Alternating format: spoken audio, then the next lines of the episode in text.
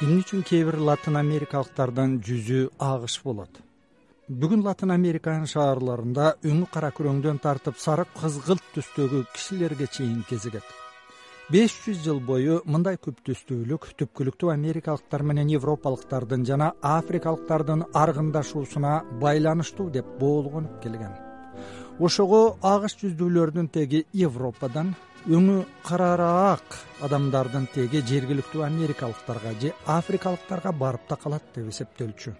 Мындай боолголоо жаңылыш экенин британиялык жана франциялык генетиктердин изилдөөсү көрсөттү. Алар mfsd он эки гени бир кыйла агыш дээри менен байланышканын жана гендин экспрессиясын жакшыртаарын аныкташкан эки лимпоз гендин мындай вариантын жергиликтүү америкалыктар менен чыгыш азиянын түпкү элдеринен гана табышкан. Буга чейин элимпоздор чыгыш азия калкын кайсы ген куба жүздүү кылаарын билишкен эмес. Эми алар mfsd он эки гени бирөө гана түпкүлүктүү америкалыктардын бабалары бул вариантты беринг кысык аркылуу америкага алып келишкен деген тыянакка келишти таза суунун фильтри бактерияны пайдаланып жасалды. Жаңы технология сууну бүгүнкү ультрафильтрлүү мембраналардан эки эсе тез тазалайт. Аны вашингтон университетинин инженерлери иштеп чыкты. Бул технология суунун агымын азайтуучу бактериялардын жана башка зыяндуу микроорганизмдердин топтолуусуна жол бербейт.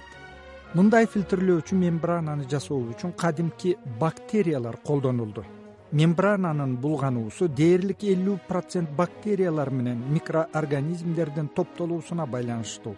эки миң жыйырма бешинчи жылы дүйнөдөгү ар он кишинин бирөөсүнөн көбү таза сууга зар болуп жашаса дүйнө калкынын тени суу тартыш аймакта жашап калат. Ошон үчүн элди таза суу менен камсыздоону акшнын инженерия боюнча улуттук академиясы дүйнө алдындагы эң чоң милдеттердин бири деп билет метродогу тыгынды кыскартуу боюнча токиодогу жаңы саамалык токио метросунун тоздой каттамында он күндүк эксперимент өттү.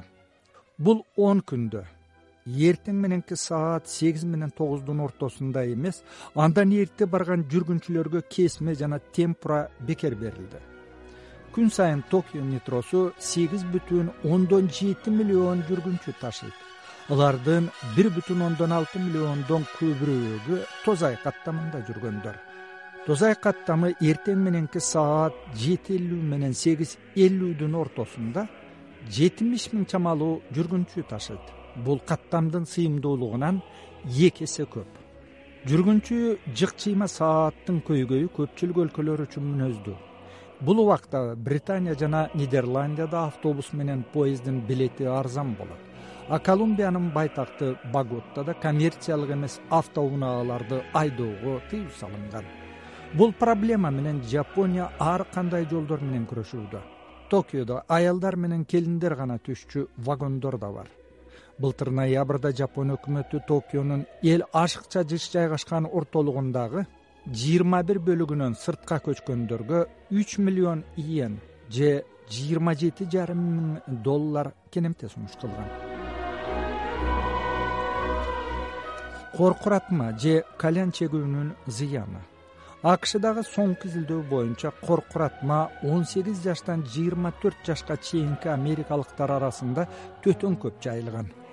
Өспүрүмдөр чөйрөсүндө да коркуратма чегүү популярдуу экен.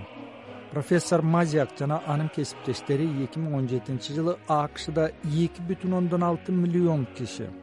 Ошондой эле жаш балдар коркуратма чеккенин аныкташкан бул алдыңкы жылдардагыга салыштырганда эки эсеге жуук көп. Акшда чылым чеккендердин саны отуз сегиз миллионго жетет.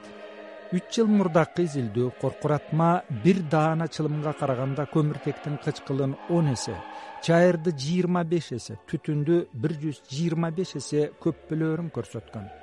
Ал эми эки миң он жетинчи жылы синсинати университетинин окумуштуулары жүргүзгөн изилдөө пресстелип жасалган брикеттерге караганда чок катары колдонулган электр дисктер же электр чоктор алда канча зыяндуу экенин айгинелеген тактап айтканда уулуу заты аз жыгачтын көмүрү жыйырма төрт сааттан кийин өпкөнүн клеткасынын он процентин өлтүргөн.